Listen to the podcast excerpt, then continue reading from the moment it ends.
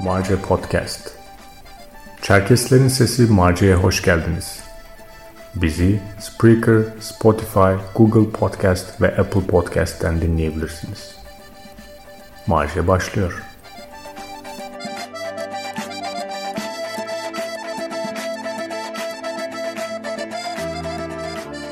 Merhabalar, Marji e, gündemin e, 57. bölümüyle karşınızdayız. Bu hafta konuğumuz Perit. E, Perit'i e, birçok kimse Boğaziçi protestolarından e, tanıyor. E, Perit'le önce Perit'i tanıyacağız bu akşam. E, biraz daha yakından tanımaya çalışacağız. E, Boğaziçi protestolarından bahsedeceğiz ve Perit'in e, ve arkadaşlarının e, başına gelenlerden e, bahsedeceğiz. Sonrasında Çerkeslerin e, Boğaziçi protestolarına ve Türkiye'deki demokratikleşme sürecine katkılarını, Perit'in e, sürecinde e, ne tarz pozisyon aldıklarını değerlendireceğiz ve e, geniş e, perspektifte de e, Çerkeslerin Türkiye'deki antidemokratik süreçlere e, verecekleri tepkiler, demokratikleşme süreçlerinde e, alacakları pozisyonlar üzerine e, Perit'le birlikte değerlendirmelerde bulunmaya çalışacağız. E, ben e, öncelikle Perit'i tanıyalım diye başlayayım. Topu sana atayım Perit. E, sen kendini bize biraz tanıtırsan ondan sonra e, sizin sürecinize ve Boğaziçi protestolarına geçeriz istersen. Tamamdır. E, merhabalar. Ben Perit. Boğaziçi Üniversitesi Tarih Bölümü öğrencisiyim. E, Çerkesim aynı zamanda. E, annem Şapsız babam abaza. Ahba sülalesindenim. Böyle. Çerkesler böyle merak ederler şimdi nereli olduğunu falan Perit. anne, anne tarafım Hanözlü, Amasya. Ee, baba tarafım da Bilecikli. Ee, peki Perit e, biraz böyle yaklaşık bir seneyi geçti herhalde. E, Boğaziçi öğrencisisin. Boğaziçi protestolarında e, yer alıyorsun. Birazcık Boğaziçi'ndeki protestoların başlangıcı ve son geldiğimiz noktadaki pozisyonlarına, e, pozisyona, e, pozisyondan sürecin içerisinde birisi olarak senden bahsetmeni istesek. Tabii ki. Bu süreç e, geçtiğimiz sene 4 Ocak'ta başladı. E, Melih Bulu o zaman rektör olarak atanmıştı. Boğaziçi Üniversitesi e, Boğaziçi Üniversitesi'nde akademisyen değildi Melih Bulu e, ve AK Parti milletvekilliği aday adaylığı vardı kendisinin. Bu yüzden aslında aslında okuldaki ilk kayyum değildi kendisi. Buradan da başlamak gerekir. Seçimsiz genellik rektör Mehmet Özkan'dı 2016 senesinde. E, zamanında da ona tepki gösterildi ancak protestörün aslında bu kadar büyümesinin sebebi Melih Bulu'nun e, liyakat tartışmalarını da beraberinde getirmesi ve fazla siyasi bir kimliği olmasındandı. Protestler başladı büyüdü. E, kamuoyunda çok yankı buldu. E, bir senedir devam ediyor ve bu noktada aslında şunu da vurgulamak gerekli. Protestoların tüm muhalif çevrelerce aslında sahiplenilmesi ve büyütülmesi e, bariz bir çok bariz bir şekilde siyasal bir atam olmasından kaynaklanıyordu ve liyakat tartışmalarının ciddi oranda gündeme getirilmişti. Çünkü atandıktan çok kısa bir süre Melih Bulu e, doktora tezinde e, intihal yaptığı iddiasıyla kamuoyu gündeminde e, ismen oldukça yer almaya başlamıştı. Bu yüzden aslında protestolar biraz şey üstünden gelişip bayağı büyüyebildi. Melih Bulu'nun bu görevi ifa edecek kapasitede olmaması ve bu aslında tek adam düzeninin e, getirdiği liyakatsizlik ve siyasi kararlardan dolayı falan fistan. Ama biz bunu biraz daha politik bir yere çekmeye çalıştık. Liyakat ekseninden çıkartmaya çalıştık. Olabildiğince ezilen kitlerle danışmaya çalıştık. Özellikle belediyeye atanan HDP belediyelerine atanan kayyumlar konusunda dayanışımı göstermeye çalıştık. Ee, bunu vurguladık. Bunun bir irade gaspı olduğunu hatırlatmaya çalıştık. Mücadele büyütmeye çalıştık. Bir yıldır da devam ediyor. Neticede Melih Bulu 6. ayında görevinden alındı bir akşam ve bundan kendisinin dahi haberi olmadı. Arkasından iktidar şöyle bir hamle yaptı. Naci İnci isimli Melih Bulu'nun yardımcılığı görevini kabul etmiş iki isimden biri olan okulumuz fizik bölümü hocasını atamış bulundu. Ee, burada aslında iktidar şunu yapmaya çalıştı. Sizin derdiniz şu, şu değil işte. Bakın Boğaziçi'li birini atıyorum. Gayet liyakat sahibi bir insan. Siz işte bu okulu karıştırmaya niyetlisiniz. Öğrenci değilsiniz. Aslında e, bizim doğru kurgulayamadığımız bir noktada aslında kurgulamaya çalıştığımız ama farklı çevrelerin e, olaya farklı yaklaşımları sebebiyle e, bir liyakat ekseninden çıkaramadığımız bu mücadeleyi bu şekilde kırmaya çalıştı ve e, bir noktada da aslında başarıya yaklaştığını söyleyebiliriz ama en düştüğümüz noktada bile ayağa kalkmaya başardık, mücadele etmeye devam ediyoruz. Ne kadar zorlansak da şu anda. O söylediğin şey aslında bayağı önemli o noktada. Hani bunu bir liyakat meselesi olarak değil aslında bir e, varoluşsal bir mesele olarak görmek lazım. Türkiye'nin evet. nereden nereye gittiği, nasıl bir yöne doğru evrildiği, Türkiye'deki demokrasi mücadelesinin e, bugün içinde olduğu durum, işte demokratik e, haklara en azından temel insan hak ve özgürlüklerine yönelik saldırılar diyelim iktidar tarafından yapılan saldırılar bunlara yönelik işte toplumun e, duyarlılığı, duyarsızlığı, örgütlü mücadelesi vesaire gibi bu konuda düşünmek aslında çok daha mantıklı gibi geliyor bana da. Çünkü e, dediğin gibi bu mevzu aslında Boğaziçi ile birlikte başlamadı. Hani ya da Melih Bulu ile başlamadı. Melih Bulu'dan çok daha önce başladı. Hatta ondan da öncesi var. İşte e, kazan, kazanılmış olan belediyelerin e, kayımlar yoluyla e, kazanan belediyelerin e, partilerin elinden alınması, işte belediye başkanlarının cezaevlerine atılması, çok daha öncesinde başlayan bu üniversitelerdeki rektörlük seçimlerinin kaldırılması ve atama yoluyla artık bunların göreve getiriliyor olması, Türkiye'deki neredeyse hemen her alanda bir liyakat meselesi değil, aslında bir antidemokratik uygulama meselesi olduğunu da gösteren bir durum. Yani bu önemli bir şey.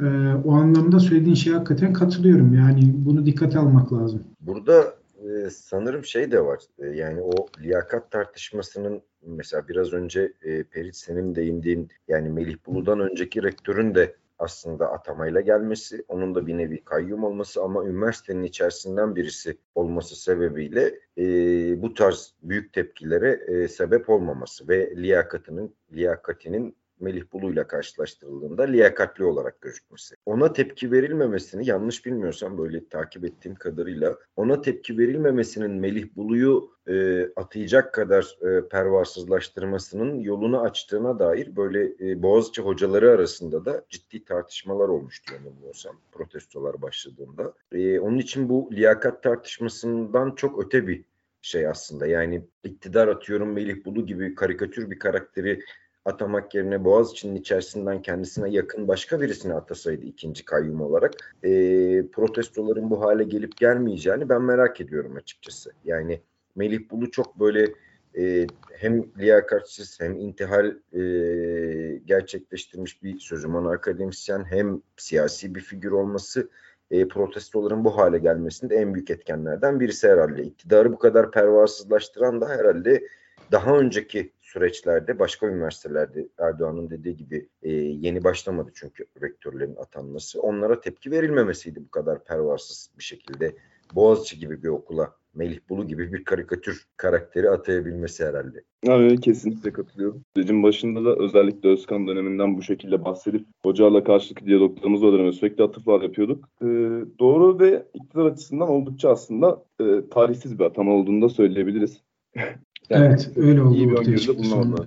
Ama bir de şöyle bir şey var. Ee, yani sonradan bahsettiğin kısım e, sizin öğrenci olmadığınız, derdinizin bu olmadığı gibi söylemler de yükseldi iktidar tarafından tabii ki. Bu da aslında Boğaziçi'ye özgü bir durum değil. Çok uzun yıllardır devam eden e, ve gitgide böyle el yükselterek aslında yapılan bir uygulamanın geldiği son nokta. İşte barış akademisyenleri için bunlar aydınlık değil karanlık. ne bileyim sanatçılar için bunlar sanatçı değil teröristten işte bunlar parti yöneticisi değil bilmem nesine kadar hani olabilecek her türlü hakareti, her türlü aşağılamayı aslında e, birinci ağızlardan duydu Türkiye bugüne kadar. Yani sadece Boğaziçi konusunda değil, Türkiye'de iktidar gibi düşünmediğini bir şekilde ifade eden ya da belli eden herkesin maruz kaldığı bir uygulamaydı. Bu uygulamayı son olarak işte Boğaziçi protestolarında da görmüş olduk. E,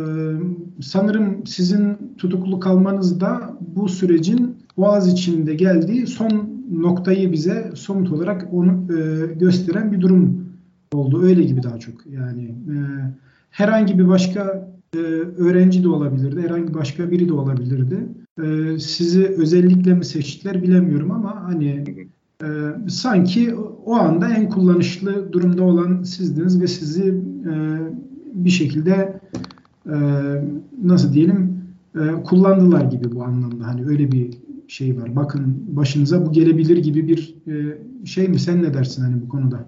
Tabii ki. Yani şöyle e, sürecin başından beri zaten aslında biz benzer şeyi tekrar tekrar yaşadık. Bir döngüde gibiydi. Da bu bahsettiğiniz bu terör ağzını zaten 2015'ten beri vites arttırarak kullanıyordu. Ama en son raddede artık e, Boğaziçi Üniversitesi'nde de bunu sıklıkla yapmaya başladı. Özellikle bizim e, eylemlerin ilk gününde ve ilk ayında çok ciddi hedef göstermelere maruz kaldık. Bu artık bu ağzın biraz da şey olması, ne kadar boşa çıktığına, kamuoyunda hiçbir tepki bulamadığını e, göstermeye başladığı bir noktaydı bence bir yandan da artık.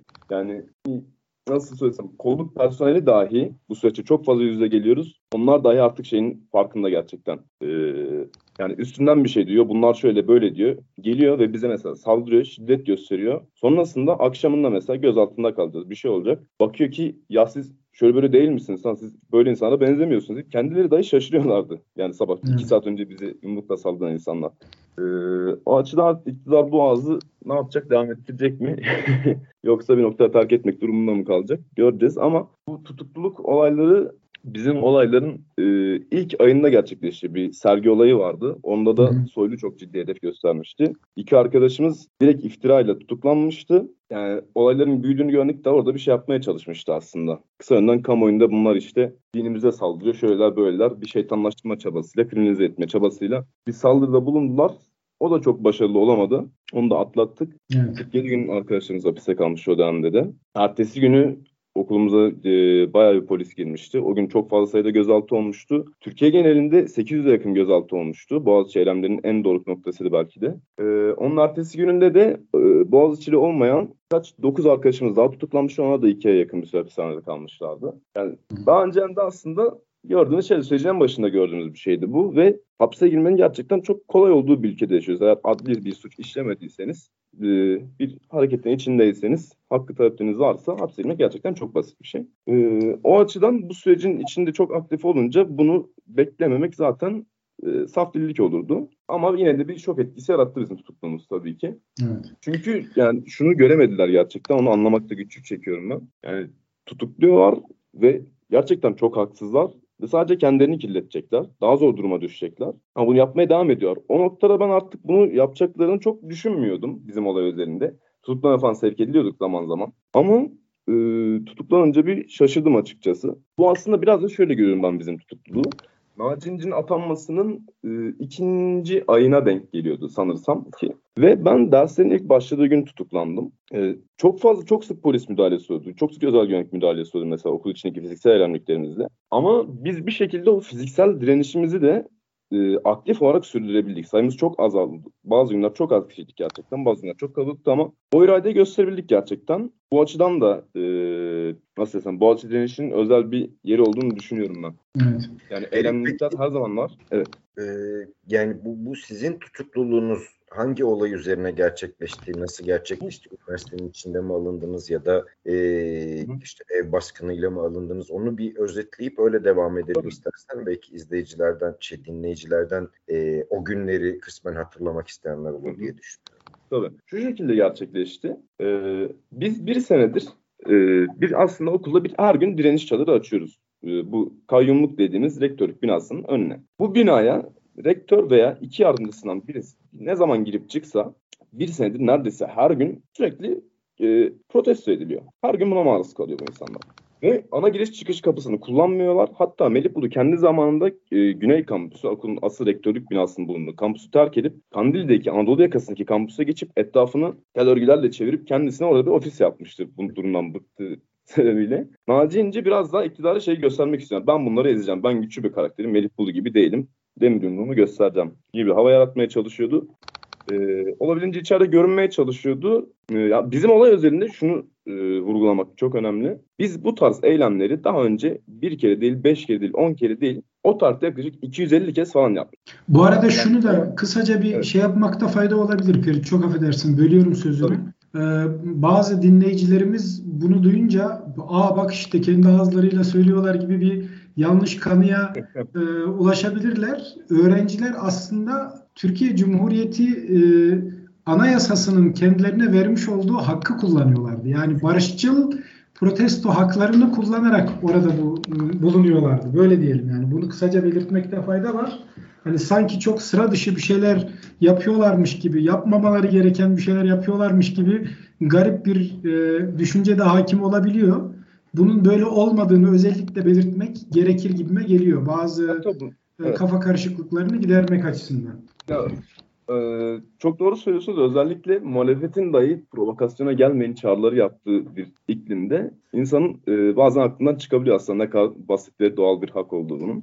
Öyle. Yani bu olay aslında e, bu bağlamda bahsettim yani biz her gün neredeyse bunu yapıyorduk. E, olay üzerinde olan şey Naci biraz daha iktidara kendini göstermesi. Yani ben bu olayları bitireceğim mesajı vermeye çalışmasıydı. Ve e, tarih de zaten manidardı. 6 Ekim 5 Ekim'de gözaltına alındım. 6 Ekim'de tutuklanan derslerin ilk başladığı gündü. Ve bir dönem bitene kadar derslerin başladığı gün tutuklandım. Derslerimin bittiği ve sınavların başladığı tarihe kadar da hapishanede kaldım. Ee, Peki, olay özelinde e, şu da önemli tabii ki. Bu medyada görüldü bu olay. Ee, ertesi günü ben olayın okula gittim. Ve olay sebebiyle bazı arkadaşlarımız karakoldan arandı. ifadeye gelin dendi. Sonrasında yani ifadeye gideriz bir şey Yani yaptığımız bir şey yok. İşlediğimiz suç yok zaten. İfade veririz. Avukatımız da var. Çıkarız geliriz. Yani bu bir yıldırma taktiği. Bunu biliyoruz. Sonra ama ben Twitter'dan bir haber gördüm. Ee, Tayyip Erdoğan hakkımızda bunlar teröristtir, üniversite içine sızmışlardır, bunları okutmayacağız diyordu. Bundan da 15 dakika sonra okul içerisinde takibe alındım. Okuldan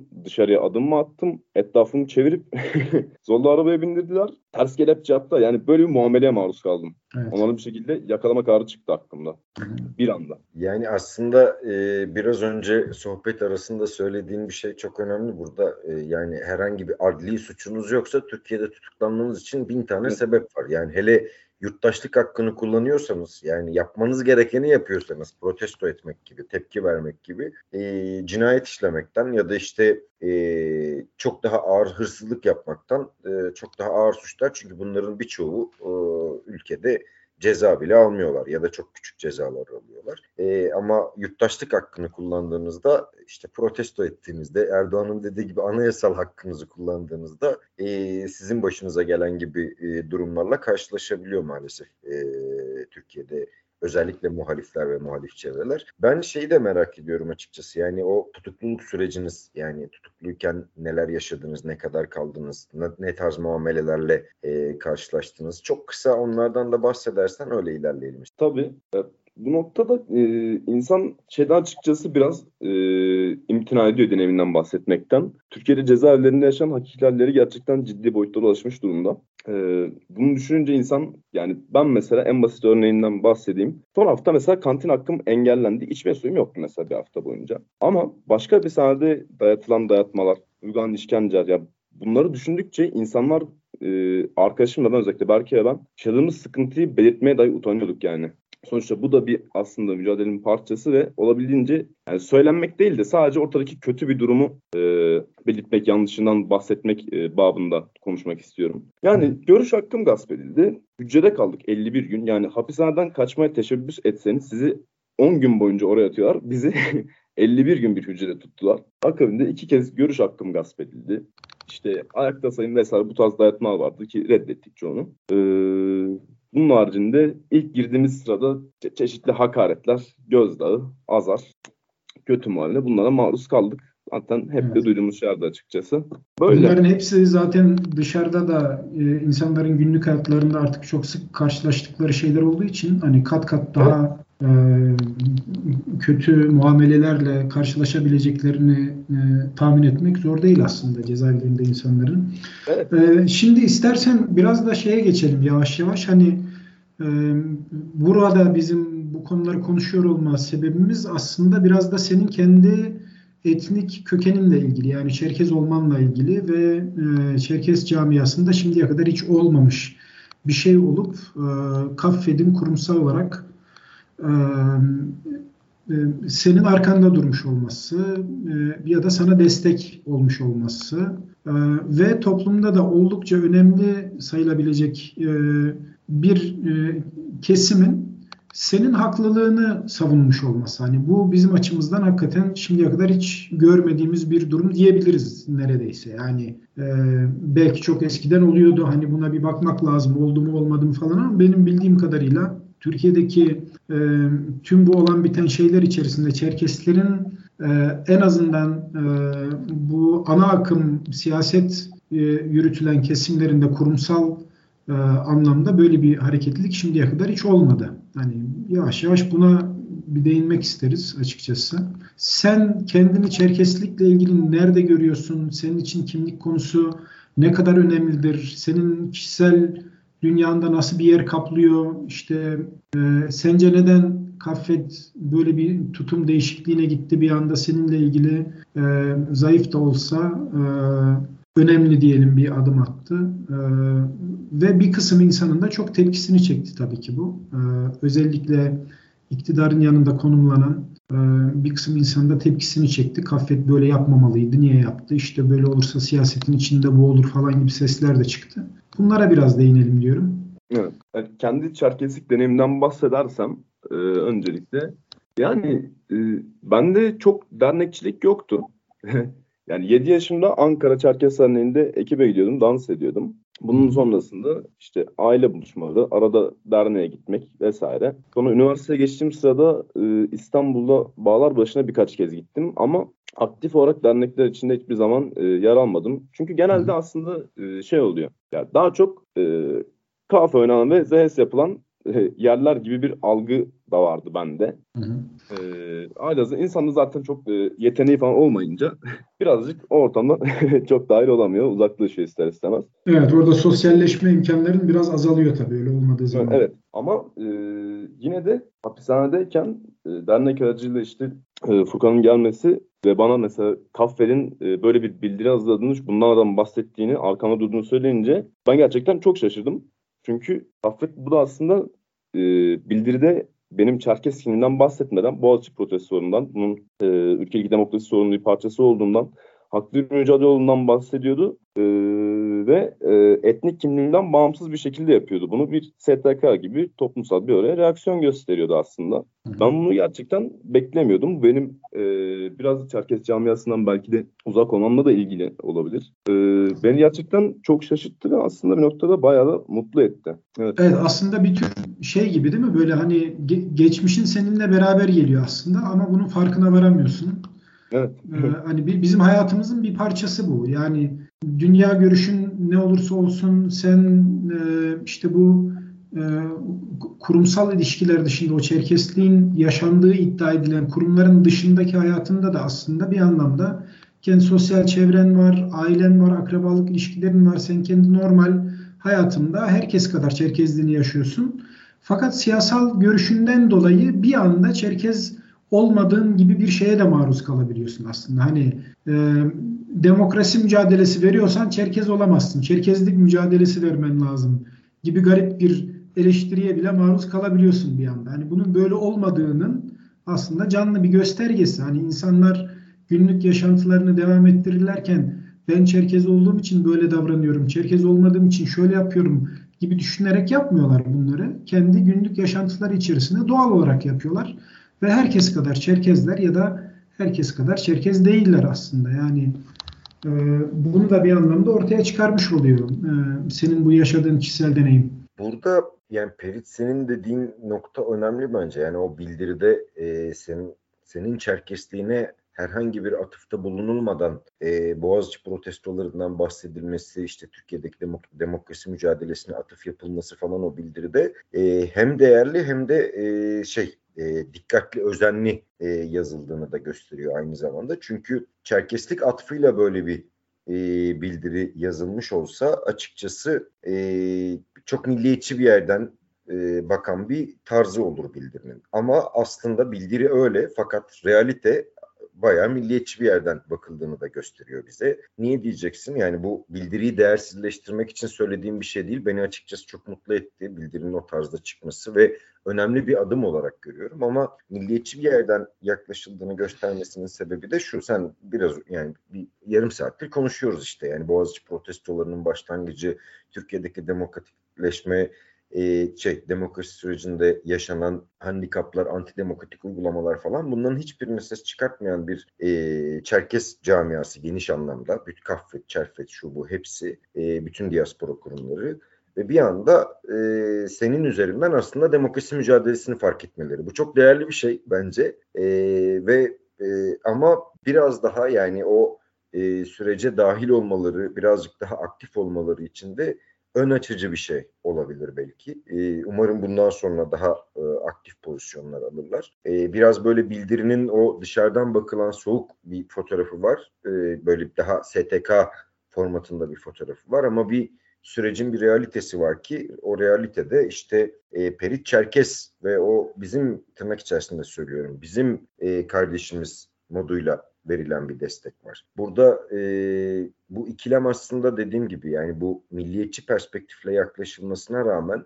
e, bu tarz bir bildirinin çıkması daha böyle insan hakları merkezli ve demokrasi merkezli bir bildirinin çıkmasını ben çok önemli ve e, etkili olduğunu düşünüyorum. Bundan sonra yani Çerkezler içerisinde de ciddi tartışmalara sebep oldu. Yani o eleştirenler de vardı işte Çerkez kimliğiyle mi oradaydı, niye destek verdiniz gibi böyle absürt gerekçelerle. E, yani bizim için absürt onların bulunduğu e, pozisyondan çok realist, e, realist bir e, yaklaşımları olduğunu iddia ettiler. Ama bence her e, şekilde diasporada bu meselenin Boğaziçi protestolarının e, en özelde e, tartışılmasına sebep oldu. Bence e, oldukça değerli bir e, bildiriydi. E, yani diaspora kurumlarıyla ya da e, derneklerle e, ilişkili olmasa şey e, ilişkili olsaydın da böyle bir protestolara e, protestolardan dolayı böyle bir şeye maruz kalsaydın çok daha büyük e, destekler olurdu belki. Ya da adın yani burada latife yapıyorum ama adın Perit olmasaydı da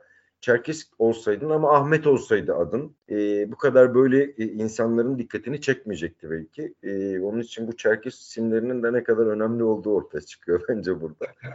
e, yani çünkü gerçekten kimse fark etmeyebilirdi. Muhtemelen mesela daha önceki protestolarda alınan arkadaşlar arasında e, Çerkes olanlar ya da başka etnik gruptan olanlar vardı ama hiç fark edilmediler. E, Perit ismi senin diaspora tarafından fark edilmene sebep oldu. E, bu arada kahve hukuki bir destek de verdi herhalde. Yani o cezaevine geldi avukat bir görüşme, görüşler yaptınız. Mahkemeye de katıldılar sanırım. Öyle değil mi? Tabii ki dahil oldular sürece. O konuda da kısaca bir bilgi verebilir misin bize? Ee, na- nasıl gelişti? Hani sen nasıl haberdar oldun? Kahvenin e, bu yazdığı, e, yayınladığı şeyden, bildiriden ve e, sana hukuki destek sağlama isteğinden falan nasıl haberdar oldun?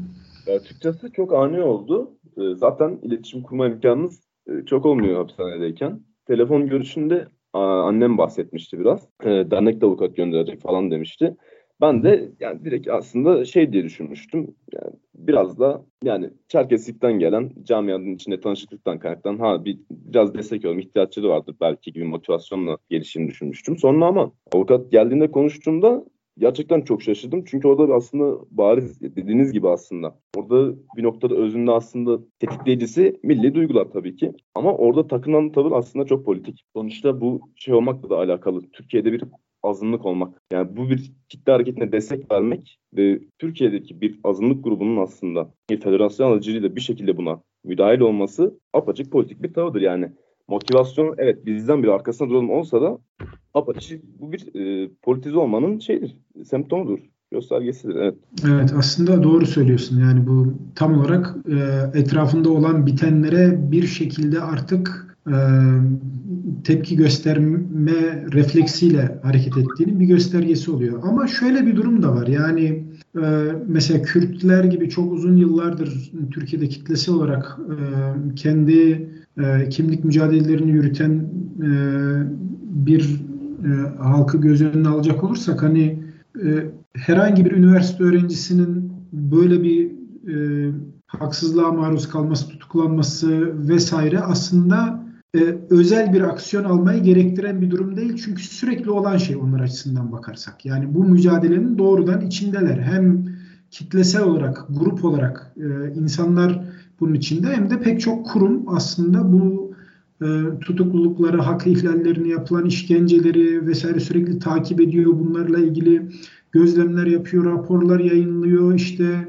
e, e, Kürtlerin kendi kurdukları pek çok e, düşünce kuruluşu, araştırma kuruluşu vesaire bunlar aracılığıyla sürekli alanda bir hareketlilik var. Ama Çerkesler açısından böyle bir durum yok ve e, Kuba'nın az önce bahsettiği hani ismin Perit olmasaydı da Ahmet olsaydı fark edilir miydi sorusu bu anlamda bir haklılık boyutu kazanıyor.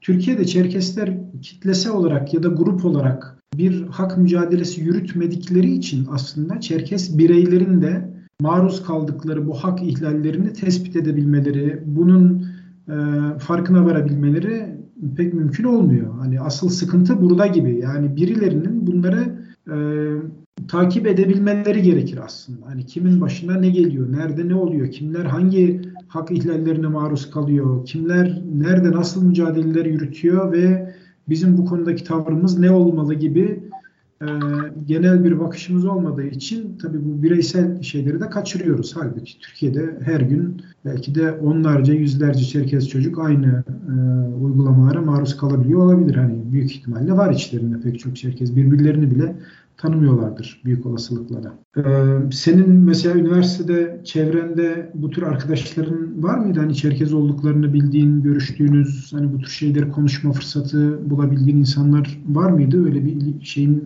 var mı okulda? Tabii ya okulda Çerkez dostum tabii ki var. Süreç içinde aktif olan Çerkez arkadaşlarım da var. Hı hı. Ama e, ben e, bizim diaspora özelinde e, bu tarz tartışmalara hiç girmedim.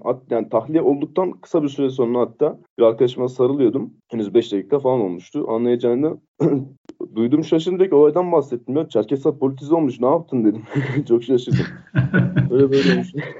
yani aslında o çok önemli de bir e, nokta. Yani Çerkezlerin e, politize olmasına ve Türkiye siyasetinde herhangi bir konuda yani Boğaziçi protestoları gibi önemli bir e, meselede tavır almalarına e, sen böyle başına gelen ta, bu e, can sıkıcı olayı. Kuban bu söyledik son son son söylediklerin duyulmadı. Bağlantın bayağı e, bir gitti geldi gibi oldu orada. Yani Tabii aslında Çerkezlerin politize olması yani Çerkezlerin politize olmasından ziyade Türkiye siyasetiyle ilgili cümle cümle kurmalarına ve Boğaziçi protestoları gibi bir e, önemli bir e, sürece dahil olmaları senin yaşadığın e, bu mağduriyet üzerinden gerçekleşti. Ama bu oldukça önemli çünkü dediğin gibi bir politizasyon adımı e, ve bundan sonraki süreçte de e, bu tarz insan hakları ihlallerine ya da işte demokratik antidemokratik uygulamalara e, tepki vermeleri için bir yol açmış durumda. Tabii bu o, diaspora kurumlarının ya da kafede ne kadar e, sürdürebileceği bunu bence bir ciddi bir soru işareti ama ben yine de önemli bir nokta. E, burada şeyi konuşmak lazım ya da değinmek lazım belki. Erdoğan biraz bahsetti yani Türkiye'de Çerkezlerin siyasallaşma süreçleri bırak Türkiye siyasetini kendi meseleleriyle ilgili siyasallaşma ya da e, kamusallaşma e, kendi tartışmalarını kamusallaştırma süreçlerinde bile çok acemiler daha çok yeni bir e, adım atmış. Yani yeni yeni adım atıyorlar. E, bu da onun e, önemli noktalarından bir tanesi olarak e, tarihe not düşürdü bence Kafirisi. Ya şöyle bir şey de var. Hani Çerkezler politize mi oldu, oluyor mu falan gibi soruların çok doğru olmayabileceğini de düşünmek lazım aslında. Çerkezler bilinçli olarak sessiz kalmayı tercih ediyorlarsa eğer bu aslında oldukça politik bir tavır anlamına da gelir. Yani Çerkezlerin apolitik olduğu konusunda e, çok e, net değilim ben. Oldukça politik bir şekilde bu gibi konularda sessiz kalmayı tercih ediyorlar. Çünkü iktidarla birlikte konumlandıkları zaman aslında e, çok daha rahat olduklarını görebiliyoruz. Yani e, Kaffed'in eski genel başkanının e, AKP'den meclis e, üyesi olduğunu düşünürsek, hani belediye meclis üyesi olduğunu düşünürsek, Kaffed'e bağlı pek çok dernekten yine e, işte iktidarı e, destekleyen şimdiye kadar pek çok e, kampanyaya dahil olunduğunu, milletvekilleri adaylarının desteklendiğini, onlarla birlikte işte seçim gezilerine çıkıldığını vesaire düşünecek olursak ne bileyim ya da e, Türkiye'de e, azınlık hakları, insan hakları, grup hakları gibi şeyler söz konusu olduğunda e, hiç ses çıkartmadıklarını düşünecek olursak bunun da aslında oldukça politik bir tutum olduğunu kabul etmek durumunda kalırız. E, işin bir de bir diğer kısmı e, Kaffet neden Perit'i destekledi diyenlerin e, hani bunu söyleme sebeplerine baktığımızda hemen arkasından e, iktidar güzellemelerinin de geldiğini düşünürsek bu da bu politizasyonun aslında bir parçası yani iktidarla birlikte konumlanmak işine geldiği için Çerkeslerin genel anlamda e, bir muhalefet e, cephesinde olmak veya bir demokrasi mücadelesinin içinde olmak sanki olumsuz anlamda politize olmakmış gibi de algılanabiliyor. Hani bunu da göz önünde tutmak gerekir. Bu arada e, programın yavaş yavaş sonuna da geliyoruz ama ben şeyi de merak ediyorum açıkçası. Şimdi Boğaziçi protestolarının başından beri yanlış bilmiyorsam ya, ya da yanlış söylersem düzelt Perit e, yaklaşık 500'e yakın öğrenci eğitim hayatından mahrum kalmış durumda aldığı cezalarla ya da gözaltı süreçleriyle vesaireyle. Boğaziçi'nin nüfusu zaten 14.500 bildiğim kadarıyla. Çok ciddi bir öğrenci nüfusu mağduriyet yaşadı. Sizin durumunuz ne burada? Okula devam edebiliyor musunuz? Ya da kaldığınız derslerden e, dönem kaldığınız dönem var mı? Ya da derslerinize girebiliyor musunuz? Ne süreç ne şu anda? Ya da nasıl işliyor evet. mahkeme süreci? Bu noktada aslında o direniş olarak olduğumuz konumdan da kısaca bahsedeyim. Ee, yakın zamanda 3-4 gün önce seçilmiş dekanlarımız görevden alındı. Hı hı. Bu görevden alınmanın sebebi de e, disiplin soruş açlıkları hukuksuz disiplin soruşturmalarıyla yani hem disiplin soruşturmasını açmasını dikte ediyor. Aşırı takdirde de veya ceza vermediği için ki bir suç işlenmiyor ortada ya da verdiği cezayı yetersiz bulduğu için soruşturma açılıyor dekanlarımıza ve bu dekanlar görevlerinden alınıyor. Alınmadan önce dahi biz ceza almaya başlamıştık bir noktada artık. Çünkü e, okulun üstündeki baskı e, ciddi oranda arttı bu üç ayda özellikle bizim tutukluğumuz süresinde. E, ve e, yine görevden almadan bir gün önce bir arkadaşımız bir dönem uzaklaştırma aldı. E, Naci İnci isimli şahsa yumurta attığı gerekçesiyle bir dönem okuyamayacak. Bizim olay özelinde ne olacağını göreceğiz ama e, bu sabah benim de aklımı bu çok meşgul ediyor. Yani hali hazırda zaten bir dönemi hapishanede geçirdim. Eğitim hakkım gasp edildi. Çıkıp suçlusu olmadığım bir olaydan dolayı yani bir suç işlememişken haksız yere 3 ay hapis yatıyorum. Üstüne bir dönemde okuldan muhtemelen e, uzaklaştırma cezası alınacağım gibi görünüyor şu anda. Hmm. Okulun içinde bulunduğu durumu değerlendirince. Bunları Ayrıca bir disiplin soruşturması da devam ediyor yani öyle bir durum Tabii ki evet. Hmm. evet. Peki mahkeme süreci şu anda tutuksuz yargılanıyorsunuz bildiğim kadarıyla. Evet, mahkeme süreci devam edecek. Tabii evet. Mahkeme süreçleri maalesef uzun sürüyor. Bir senedir de yaklaşık zaten olaylar sebebiyle yurt dışına çıkış yasağımız var. Çoğu arkadaşım bu yüzden yüksek lisans yapacakları ülkelerine gidemedi. Başvuruları yandı, kabulleri yandı. Bizi en çok zorlayan da bu oluyor genelde. Yurt dışı yasakları maalesef.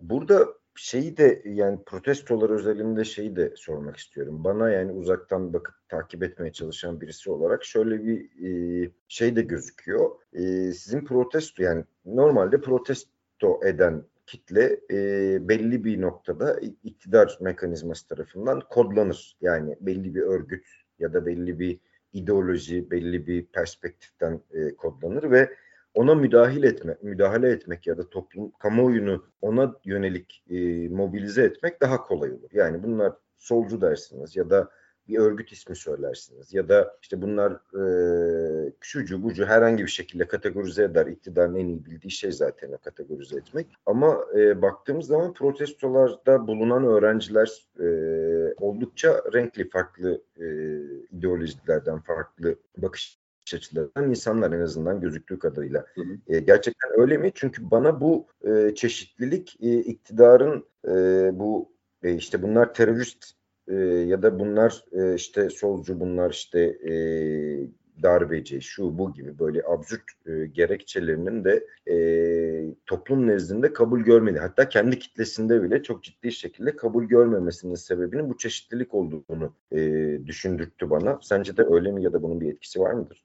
Ya, tabii ki de şey çeşitlilik söz konusu zaten. Burada sadece e, şu var. Ortada ortaklaştığımız e, çok basit bir şey var. Biz bu atamayı kabul etmiyoruz. Ve yani e, genelde sol eğilimli bir mücadele olduğunu söyleyebiliriz belki. Ama bu noktada sadece şundan farklılaşıyor. Ee, süreci farklı okuyup ge- geleceği farklı öngörüyoruz ve bazı noktalarda öğrenci arasında çeşitli hedef farklılığı var ve e, uzlaştığımız tek bir nokta var ki biz bu atamayı kabul etmiyoruz. Ve kimisinin önünde de şöyle bir engel yok. E, istediği şekil, istediği pratiklerle bu atamaya karşı çıkabilir. Yani ilk günlerde mesela insanlar bir rektörlük binası önünde yoga yapıyordu. Çığlık atıyordu. bir şeyler yapıyorlardı. Kimisi eskinin sloganlarını atıyor. Ee, e, klasik sol pratiklerle devam ediyor. Ama çok farklı yani biçimleri yapanlar var. Kimisi punk konseri veriyor. Bir çeşitlilik söz konusu gerçekten. Devam ediyor. O açıdan iktidar e, gerçekten şeyi başaramıyor. bir şekilde kriminalize etmek, algı yaratmak, kamuoyu nezdinde iyice e, şeytanlaştırmak ve kriminalize etmek konusunda başarısız kalıyor evet dediğiniz gibi. Evet bu hakikaten önemli. Yani e, o bakış açısını kırabilmek, insanların size yönelik yaklaşımlarını normalleştirebilmek. Çünkü bir şeytanlaştırma söz konusu ve onunla da mücadele etmek gerekiyor. Sadece sizin üzerinizdeki baskıyla değil, toplumun e, size yönelik ön yargılarıyla da bir şekilde mücadele etmek gerekiyor. Ancak o zaman kendi haklılığınızı e, sahiplenmesini, insanların sahiplenmesini, sizinle birlikte olmasını sağlayabilirsiniz. E, bu, bu da biraz aslında şeye e, etki etmiş olabilir. Yani e, Kaffed'in bu tutumunda etkili bir durum olarak e, ortaya çıkmış olabilir. Yani e, iktidarın sizi ne kadar kriminalize edemediğinin de bir göstergesi bütün çabalarına rağmen. Aksi halde bu kadar kolaylıkla e, bir destek e, sağlayamayabilirlerdi. Böyle bir durum da var sanki.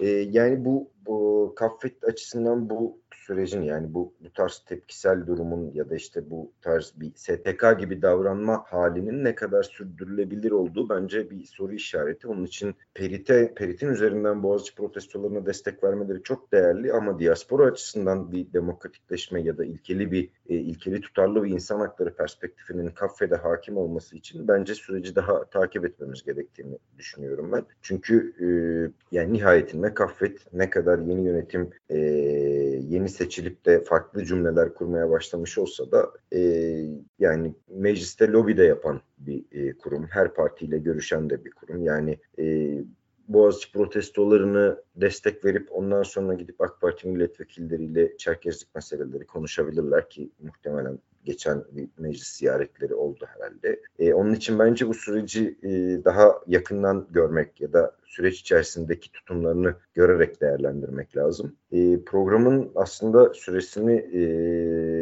bit, bitirmeye yaklaştık bayağı bir. Evet. E, Perit senin e, Çerkezlerden ve diasporadan e, beklentilerin ne? Bitirelim konuğumuz olarak son sözü sana verelim.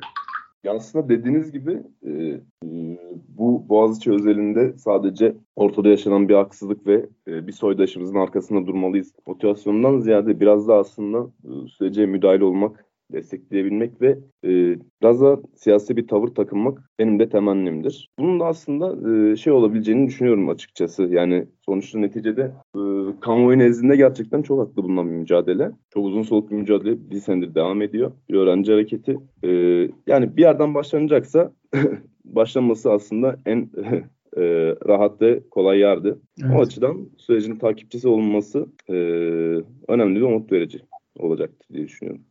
Evet hepimiz öyle olmalı. Çerkesler de artık içinde yaşadıkları dünyanın gerçekten bir parçası olduklarını görüp e, bunu akılda tutarak aslında e, e, kendi mücadele hatlarını belirleseler, e, öyle var olmaya karar verseler çok daha e, iyi olur gibi kendileri açısından. Yoksa rüzgar kendilerini ne tarafa iterse o tarafa doğru savrulmaya devam edecekler gibi görünüyor. Umarım öyle olmaz. Bundan sonra kendi irademizle kendi geleceğimize hem topluluk olarak hem de bu topluluğun üyesi olan bireyler olarak yön verebiliriz e, diye e, ümit edelim. E, benim de temennim o yönde.